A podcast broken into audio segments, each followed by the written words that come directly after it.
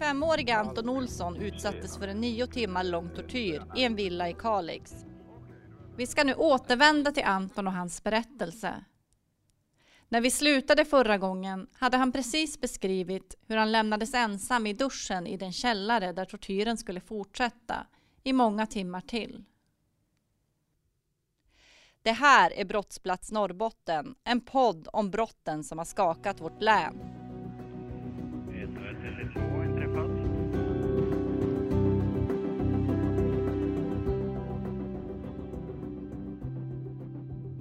Jag heter Linda Kask och är reporter på Kuriren och NSD. Med mig idag har jag min kollega Tommy Lundqvist som är kriminalreporter sedan 20 år tillbaka. Med oss idag har vi också advokat Frida Larsson, Antons målsägande beträde under den rättsprocess som följde. Men först ska vi höra vad som hände när gärningsmännen återvände till källaren. Jag kommer inte ihåg hur länge jag ligger kvar där i duschen. Eh, men sen kommer de ner. Och jag lyckas ta mig upp på fötterna. Och vänder mig ut emot tvättrummet och de öppnar dörren. Uh. Och sen uh, de kommer in genom tvättrummet till badrummet. Och 19-åringen ser en handduk. Han säger att han vill testa en sak. Han, de säger åt mig att lägga mig på ryggen och att de ska skendränka mig. Jag säger, nu vädrar jag, vädjar jag. Eh, jag går inte ner på mina knän och ber dem. Så, så, mycket, tänk, så mycket nöje tänkte jag inte att jag skulle ge dem. Men, eh, ja. Så det slutar med att jag ligger på ryggen, handduk över huvudet eller ansikte. Och de spolar vatten på mig, eller spolar vatten på den. Och han sa åt mig att ta inte bort handduken först vi säger att du får det. Annars dör du. Det, Och i det här läget Anton så andas du med en lunga. ja, nästan. En trasig lunga. Men jag får ingen luft. Det är en konstig sorts skendränkning.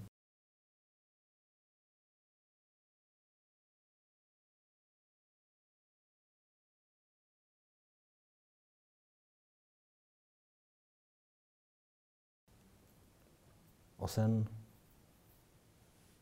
Ja, sen slutade jag sprattla och jag tänkte att ja, nu svimmar jag. Jag tänkte inte att nu dör jag. Man, ja. Och när jag började känna att det började mörkna och jag slutade kunna röra min kropp. Då sa han okej. Och så vände jag på mig snabbt, hostade upp, hostade upp vattnet. Och sen, jag kommer inte ihåg vem som sa det, sa och nu gör vi det igen.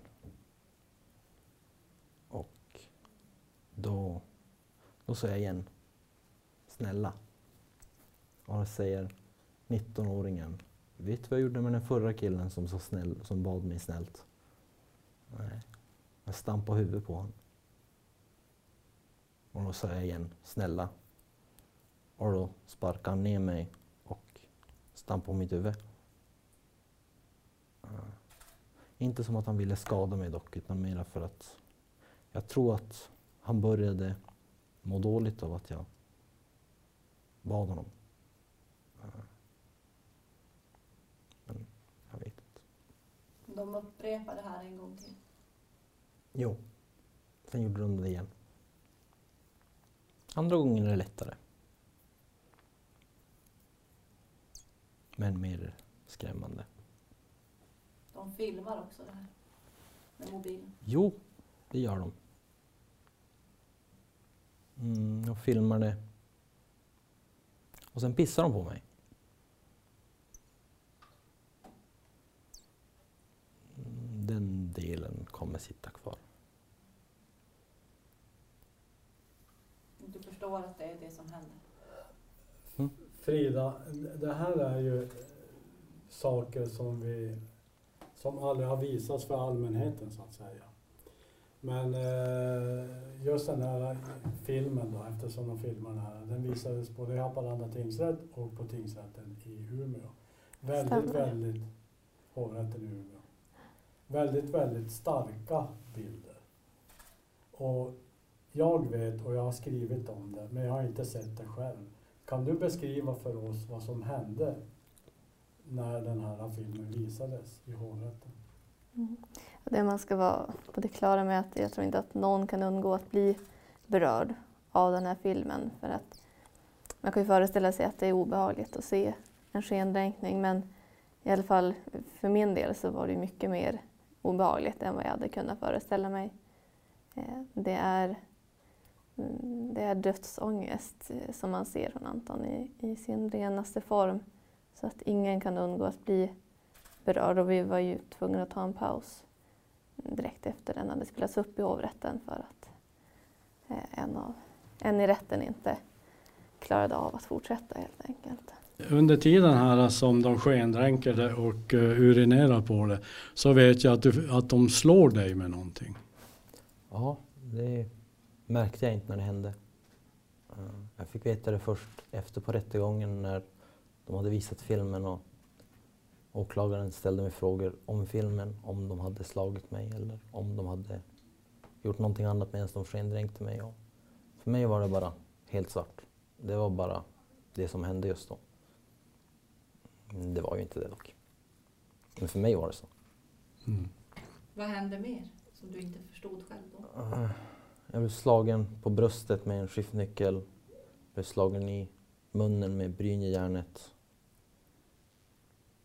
Det var någonting mer som jag inte kommer ihåg. Vida, vet du? Eller kommer du ihåg?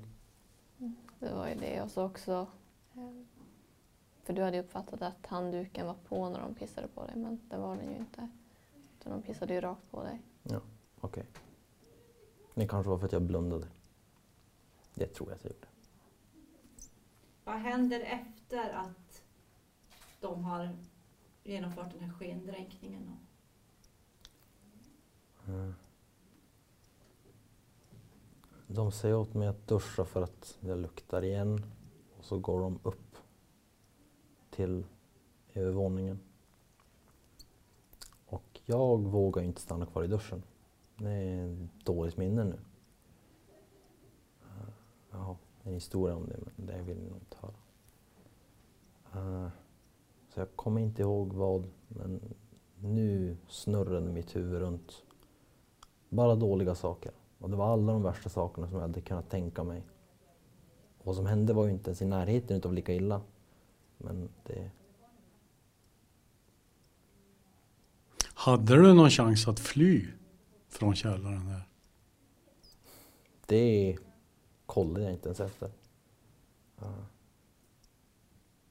Men nu hade de gått upp igen. Mm. Eh, när kom de tillbaka? Och vad hände då? Eh, de går upp. Jag vet inte hur länge de var borta. Uh, som jag sa, jag gick runt i mitt eget huvud och var rädd.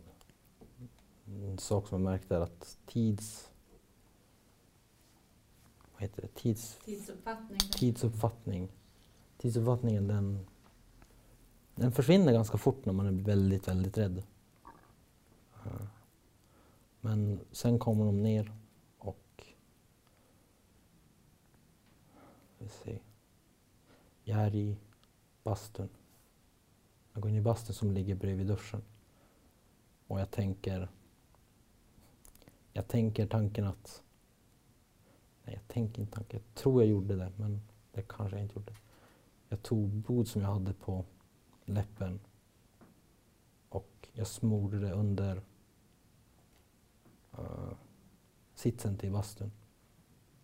Kanske jag inte gjorde dock. Men jag tänkte den tanken för nu var jag ganska säker på att jag inte skulle ta mig därifrån levande. Um, Som någon slags eh, bevis? Eller? Jo, jag tänkte också tanken...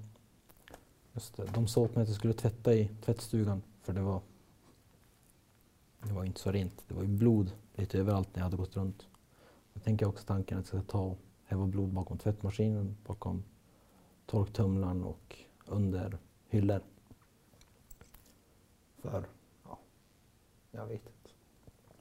Det är ju nästan ofattbart att du i det här läget kunde plötsligt börja tänka sådär systematiskt. Och, Men jag, jag, jag tror faktiskt inte att jag vågade göra det.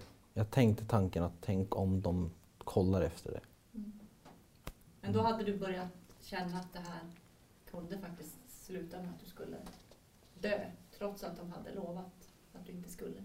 Nej, efter skendränkningen var jag helt hundra på att jag skulle dö. Jag hade till och med en tanke om att jag var död, men hjärnan blir inte så rationell när man är rädd. Eh, jag tänkte tanken att det ska inte vara gratis i alla fall. Vad händer när de kommer tillbaka? Mm, jag tvättar tvättstugan. Det fixar jag. Tvättar i duschen också. Eh, 21-åringen och 19-åringen kommer ner. De går in i um, förva- förrådsrummet och hämtar en presenning. En ganska stor presenning och de slänger ut den i allrummet. Och sen tar de en stol och mm, de eh, ja, silvertejp, tejpar fast mig i stolen. Jag har ingen motstånd när de tejpar fast mig. Någonting som jag... Ja. De tejpar fast mig och de slår mig, tror jag de börjar med. Brynjejärnet kommer också fram. Den är där hela tiden nästan. Upplever du att det är någon av de här två som är mer drivande än den andra? Mm. Mm, Jag Vad jag kommer ihåg är att 19-åringen gjorde nästan allt. Nej, inte nästan allt. Han gjorde majoriteten av sakerna. Han var den som var först där och först skulle göra någonting. Och 21-åringen, det är nästan som att han försöker imponera på 21-åringen. Mm. Men jag kan ju inte säga någonting om hans motiv. Ja. 21-åringen, han tycker det jag upplever att han tycker att det är kul. Han tycker att det är spännande. Ja. han ser mera på vad 19-åringen gör än vägleder honom eller säger gör det här eller försök göra så. Han bara kollar på och ser vad 19-åringen gör och ja, han, han tycker att det är kul. Ja. Vad händer sen då? De misshandlar dig ytterligare med, med slag och så. Mm. Vad sker efter det? Efter det börjar jag verkligen känna alkoholen och eh, de tar kniven i alla fall, värmer den med gasolbrännaren tills den lyser upp ett rum som är 20 kvadratmeter. Rum till rum. Kniven lyser upp rummet. Ja, jag kanske överdriver i huvudet men den lyser starkt. Stark röd färg. Mm. Och de trycker den snabbt emot mitt ben. Ja, det, det är en chock. Jag rycker till, de bränner mig i ryggen, jag rycker, rycker tillbaka, de bränner mig i halsen, jag trycker ner huvudet, de bränner mig i ryggen. Inte stora brännmärken, eh, bara för att få en reaktion. Och då är det njutsamt. För 21-åringen, nitt- jag har ingen läsning på 19-åringen. Jag vet inte om han tycker om det, om han gör det för 21-åringens skull, ifall han får ut sina aggressioner. Men Ja. märker du att 21-åringen går igång på det här? Eh, han kan knappt stå upp. Eh, Ja, hur som helst. De bränner mig, pratar med mig, slår mig med brynjärnet, går runt mig lite till, bränner mig.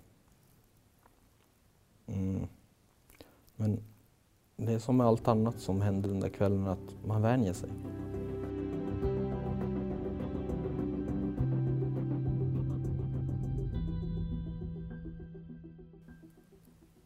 Ah, så då jag slutar skrika. För jag märker ju att 21-åringen, ju mer jag skriker, desto mera tycker han att det är roligt. Eh, ju mera han ser att jag är rädd, desto mer tycker han det är kul. Och då tar de och eh, tar kniven. De trycker ner den mot min axel och de drar den ganska fort men jag tyckte att det gick väldigt långsamt. Och det var väldigt djupt. Och då skriker jag. Och 21-åringen har kniven.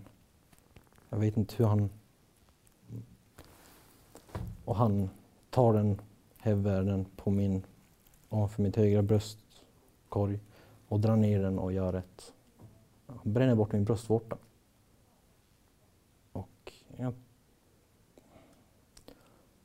Mm, det ögonblicket så blev det väldigt verkligt. Men du är vid medvetande trots de här oerhörda Ja, men det tror jag är smärtorna du måste ha känt?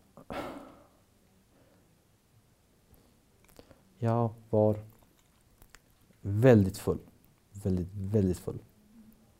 Eh, jag vet av erfarenhet att när jag, är, när jag har druckit sådär mycket, för det är mycket för mig, jag är lättviktare. Så jag borde ha däckat. Jag borde ha fått en blackout för länge sedan. Men jag tror adrenalinet, eller amfetaminet, håller mig någorlunda närvarande i alla fall. Jag kommer inte ihåg ifall de skrattade eller om de fick panik. Jag bara kommer ihåg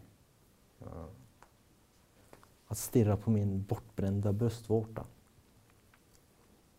Under den här tiden, den här misshandelsomgången eller vad man ska säga, när de nästan i någon slags, ja, någon slags lustfyllt rus utför alla möjliga fruktansvärda saker med dig. Är det någon gång som de säger till varandra att ska vi verkligen hålla på med det här eller ska vi kanske låta honom vara eller?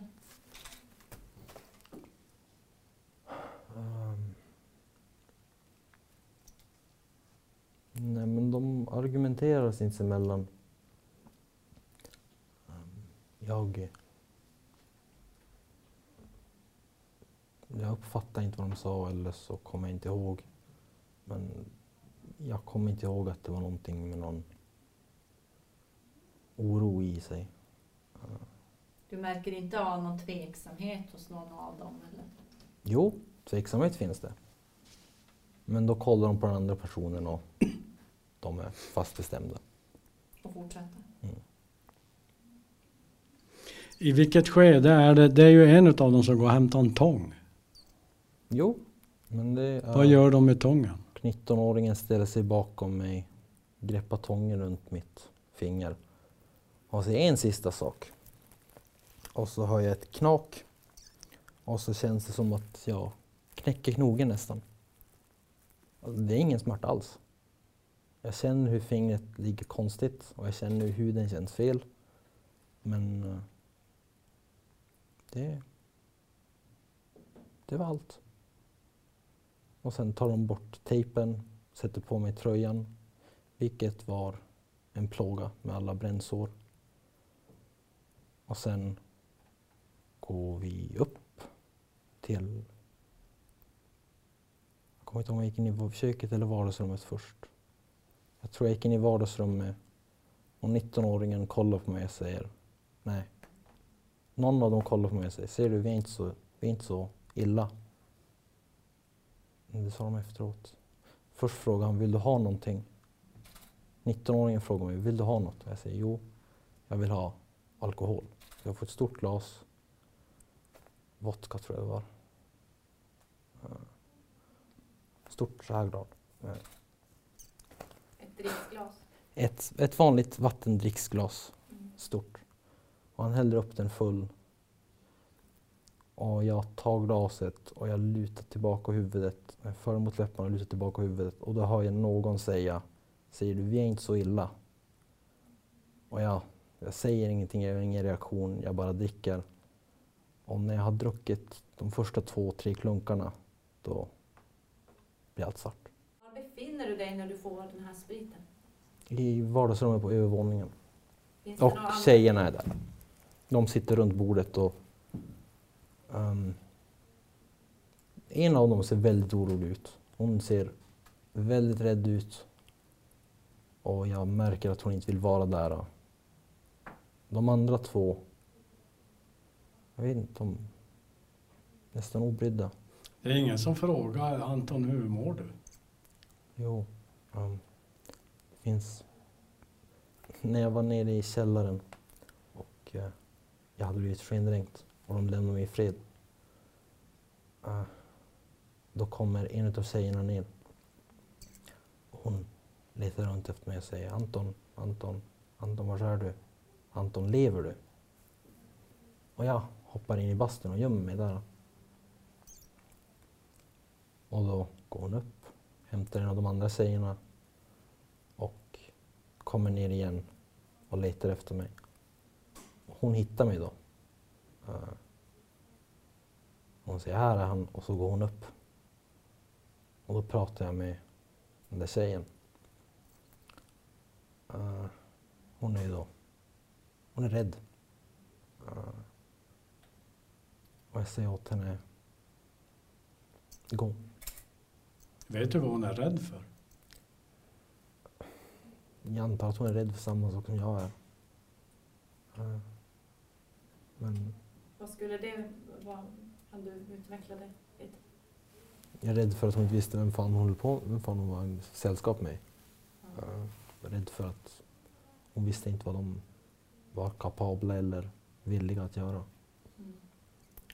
Eh, Men jag säger åt henne att gå, för jag vill inte att hon ska se mig sådär.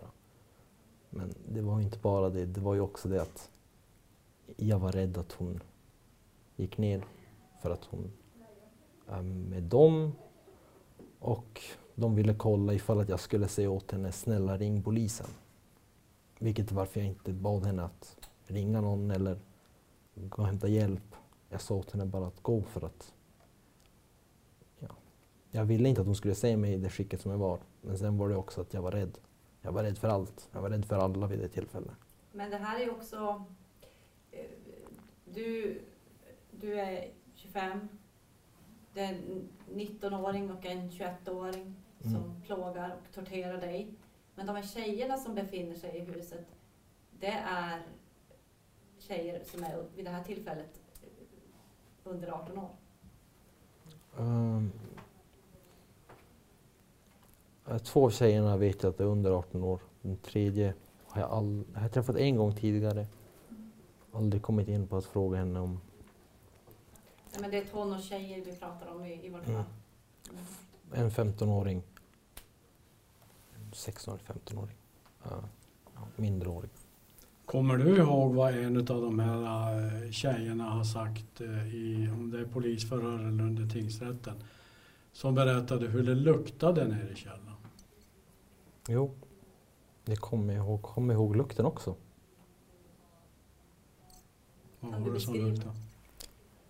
De, de ville testa att bränna mig utan att använda kniven så de la upp gasolbrännaren rakt emot min högra sida.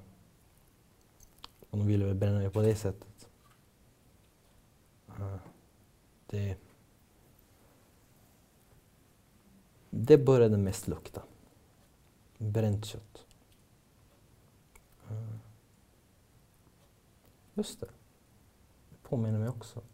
Vid det tillfället så kroppen går ju rakt ifrån eld. Det är ju instinktivt. Så min kropp vandrade åt vänster för att komma ifrån elden. Och då föll jag ner från stolen. Jag kunde inte ta mig upp. Jag sa, kan ni snälla hjälpa mig upp? Jag tar mig inte upp. Om det var då de lämnade mig i fred. De sa i alla fall att jag fick ta mig upp själv eller så skulle de döda mig. Mm. Så jag kämpade mig upp. Väldigt full vid det här laget. Hade ont, svårt att röra mig, trött.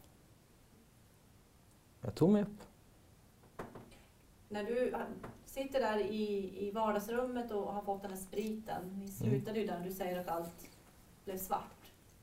Ja. Vad, är du för, vad har du för minnesbilder efter det? Eh, Jag har en minnesbild av att jag gick längs Strandängspromenaden när solen gick ner. Uh, bredvid. Men du har inget minne av att du lämnar huset eller? Ingen minne av att jag lämnade huset, ingen annat minne av att jag är ute. Bara minnet där av att jag gick längs Strandängspromenaden vid Kalixälven. Eh, Ensam?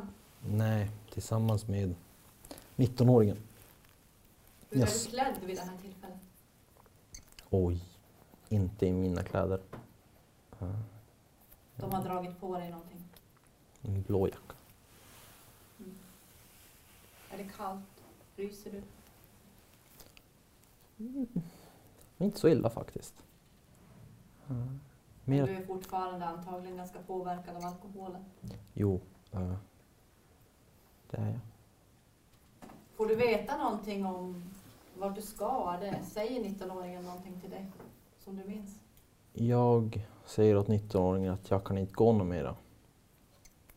Och då säger han, jo då, lägg armen runt mig. Och då gör jag det. Och så fortsätter vi. Och så blir allt svart igen. Och sen vaknade jag upp på akuten med en väldigt surrealistisk händelse, för att, eller surrealistisk upplevelse för jag tror jag hade åtta läkare som alla hektiskt sprang runt omkring mig för att lägga på förband på alla sår och se en polis som står vid dörren och går fram och tar mina kläder och jag säger åt honom, du kan inte ta mina kläder.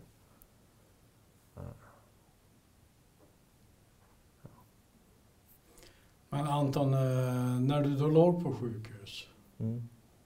och eh, det gick väl ett dygn så kommer din mamma och hälsar på. Jo, Eh, och du var inte så sugen på att berätta vad som hade hänt. Kan du Nej. säga varför? mm. jag var rädd. Rädd för hämnd, rädd för att även ifall att jag säger vem det är de blir tagna till häktet så de sa att de hade vänner. De sa att deras vänner var mer psykopater än vad de var.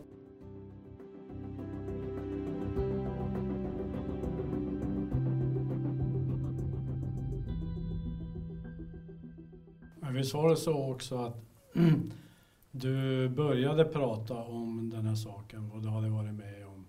Först när du blev, fick vetskap om att eh, tre personer satt eh, frihetsberövade hos polisen. Det kom grov, grov, vad heter de? Grova brotts... De kom ifrån grova brott och det var två poliser. En av dem väldigt trevlig, den andra personen väldigt tyst men han var lugnande. Och han frågade mig, ja, vad är det som har hänt? Nej, jag kommer inte ihåg, säger jag. Första gången. Andra gången kom han dit och frågade, ja, vad, har du några minnen av vad som har hänt? Nej, fortfarande inga minnen. Tredje gången kommer han och säger, ja, vet du vad som har hänt ännu? Och jag säger nej. Och då säger han, okej, men jag tror jag vet vad som har hänt. Och jag säger, ja okej. Och han säger, är du rädd för någon? Ja. Jag säger kanske. Och då säger han, ja, vi vet vem det är som har gjort det här mot dig. Och säger jag, ja, jag vet inte vem det är. Och då säger han namn, namnen på tre personer. Och då säger jag vad som har hänt. Och så säger jag sist att den tredje personen ni har i uh, häkte, han kan inte ha gjort det. För jag vet, jag vet vem det är. Han är, en, han är inte som de andra två personerna. Så jag sa det åt dem direkt att han, han kan ha varit medblandad på något sätt men han skulle aldrig ha medvetet skadat mig på det sättet som Frida, du var ju Antons målsägarbiträde under hela den här processen. Eh, vad är dina intryck av det här fallet som du minns? Ja, framförallt så har jag haft mycket kontakt med Anton och vet hur, hur jobbigt det har varit för honom. Det som är väldigt speciellt i det här fallet är ju, tycker jag, Eh, de som sedermera blev dömda, deras inställning till alltihop. Att de var så likgiltiga under rättegången, hur de berättar om saker och ting. Att det låter som att de berättar om, om ett kafferep när de, när de pratar om det de gjort mot Anton. Eh, sen så dömdes ju de här eh, i tingsrätten. Eh, den äldre av dem, 21-åringen, döms till 12 års fängelse och eh, den yngre då, 19-åringen, döms till 8,5 års fängelse för försök till mord. I hovrätten så blir det här då senare, senare då sju år för den äldre förövaren och fyra och ett halvt år för den andra. Alltså för en lekman så låter ju fyra och ett halvt år ganska lite för ett sånt här brott. Varför sänkte sänktes straffen så mycket? Dels så handlar det om att det rubricerades på ett annat sätt. I tingsrätten så dömdes de för försök till mord medan hovrätten tyckte att det var inte visat eh, att, de, att det omfattades av deras uppsåt. Så det blev synnerligen grov misshandel. När det gäller 19-åringen fick han ju också det som kallas ungdomsrabatt. Eh, Så han fick ett lägre straff än personen som var 21 år som då fick då det normala straffet som man skulle ha fått. Tommy, har du någonting som du vill tillägga om själva straffen och, och domen? Nej, men det är precis som Frida säger. Det här är ju så det, det är faktiskt. Det, det, ungdomsrabatten är ju ganska... Jag kan ju däremot inte förstå hur då i så fall Haparanda tingsrätt resonerar. Ja, det är ju en intressant, intressant juridiskt intressant fråga såklart med uppsåtet. Jag har väl lite svårt att förlika mig med den bedömningen som hovrätten gjorde. Eh, där de säger att eh, de var väl medvetna om vad de gjorde. Det var ett kontrollerat hugg eh, med kniven i Antons lunga. De tycker också att det är visat utifrån vart på kroppen som knivsticket kom att de måste ha förstått att det fanns risk för att han skulle dö. Något som de här två eh, herrarna menar att de förstod inte. Det att det var farligt att sticka en kniv i bröstet på någon. Eh, sen kommer de ändå fram till att, att det inte visat att de inte förstod att det var en, en hög sannolikhet eller att de trodde att han skulle dö. Ser man på vad de har gjort under alla de här timmarna, eh, bara det de själva berättar att under den här skenräkningen så trodde de att han var döende. Eh, de kontrollerade lite grann att han fortfarande var vid liv och så fortsätter de med samma sak som de trodde höll på att orsaka hans död. Då har jag svårt att förstå att man inte kommer fram till att de var likgiltiga i förhållande till Antons liv och det vet jag också att Anton tycker att eh, de har inte visat någon som helst hänsyn till hans liv eller hans, vad som ska hända med honom. Den här skendränkningen också, eller skendränkningarna, eftersom att de också finns på film så känns det ju nästan helt overkligt att det går att bortförklara. eh, Att säga att man inte hade uppsåt att döda honom det läget. Mm. Ja, uppsåtet är ju alltid en, Exakt, det är en komplicerad bedömning som man ska göra. Försöka bedöma vad de enskilda individerna, vad de hade för tankar, vad de förstod och hur de förhöll sig till det. Eh, så såklart, hovrätten har gjort en, en bedömning av det och tycker att det går inte att visa. Anton, vad tänker du om dina förövare idag?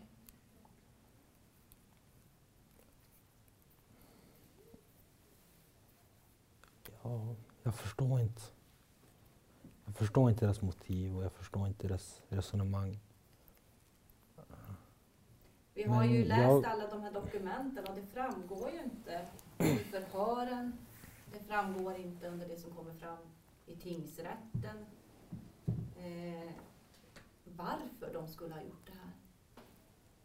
Jag har ingen aning.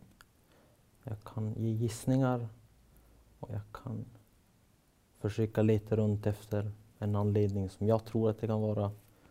Jag fick ingen anledning. Det är ingenting som jag ser att det här är varför. Det är inte att du har skadat någon som de älskar. Det är inte att du är skyldig dem stora summor pengar. Det är inte att du stjäl. Det är inte att du uh, ljuger. Jag i det här fallet. Uh, så jag, jag vet inte. Det, är mitt, det är det enda svaret jag kan ge. Att Jag vet inte varför de gjorde det. Eh, Ja, när jag var på sjukhuset så sa jag åt mig själv att de gjorde det för att de ville ha kul. Du var deras leksak för en kväll. Och det är så som du ser på det. Det är så som de ser på det. Det är så det var. Du har ju också Ef- beskrivit att ni missbrukade tillsammans. Tror du att det kan ha, att det fanns någonting där, att du och den här 21-åringen, att, att, att det fanns någonting som hade skett som han kunde ha betraktat som att du var skyldig honom någonting eller hade för Nej, alltså jag var skyldig honom. Jag var skyldig honom pengar. En liten summa pengar som kvällen innan det här hände, när, vi, när jag sov över hos honom, kom vi överens om att, eller han sa åt mig, du behöver inte oroa dig över pengarna. Det är inte bråttom. Eh, du kan betala mig när du kan, jag vet att du är ärlig.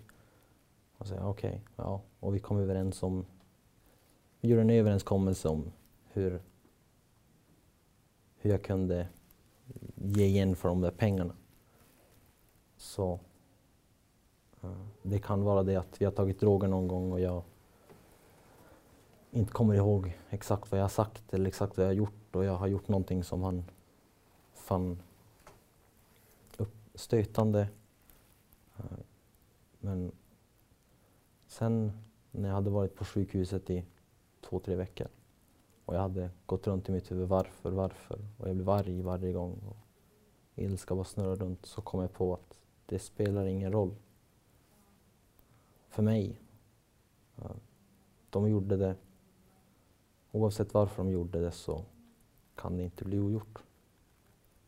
Jag vill förstå varför de gjorde det. Jag skulle gärna fråga dem privat varför de gjorde det. Hur ser ditt liv ut idag? Jag kanske har frågat det, men hur Jag har inte du, frågat det på kom. bes- hur skulle du beskriva ditt liv idag? Jo, det har du visst frågat, men jag gav ett väldigt dåligt svar. Eh, mitt liv just nu är, det går fram, det går... Så jag samma svar. Jag finner att jag har mer saker att leva för nu än vad jag kände för tio år sedan. Uh, det kanske låter kliché eller dumt, men det har faktiskt gjort mitt liv bättre att gå igenom det här.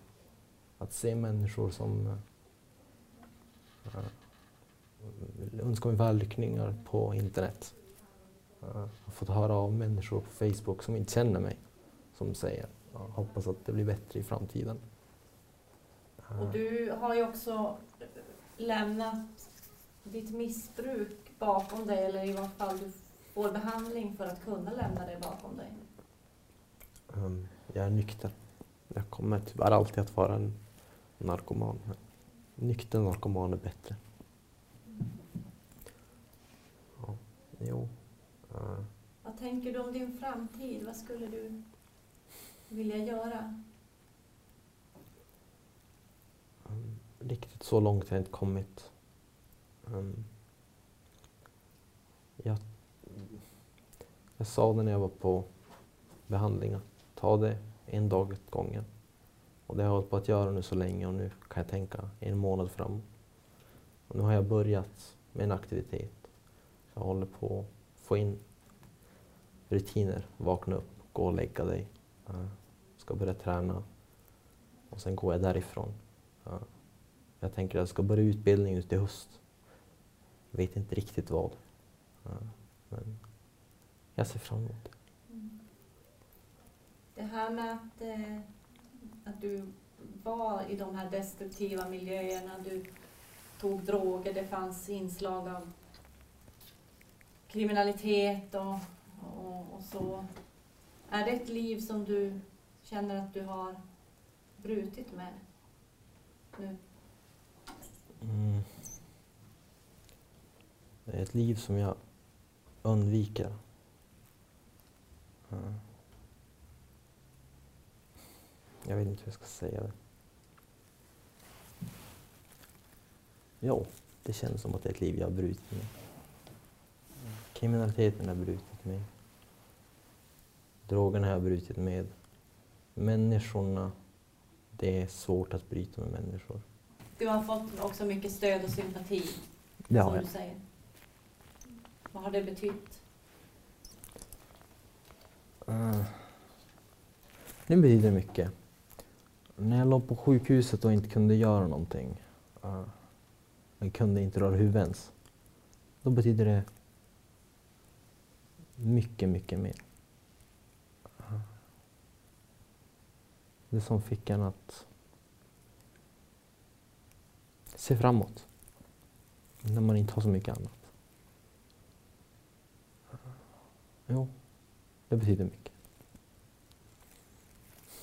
Ja, jag tror att det här kan eh, få sammanfatta det här och eh, det var allt för den här gången. Lyssna på Brottsplats Norrbotten på Kuriren.nu och nsd.se och där poddar finns. Hej då!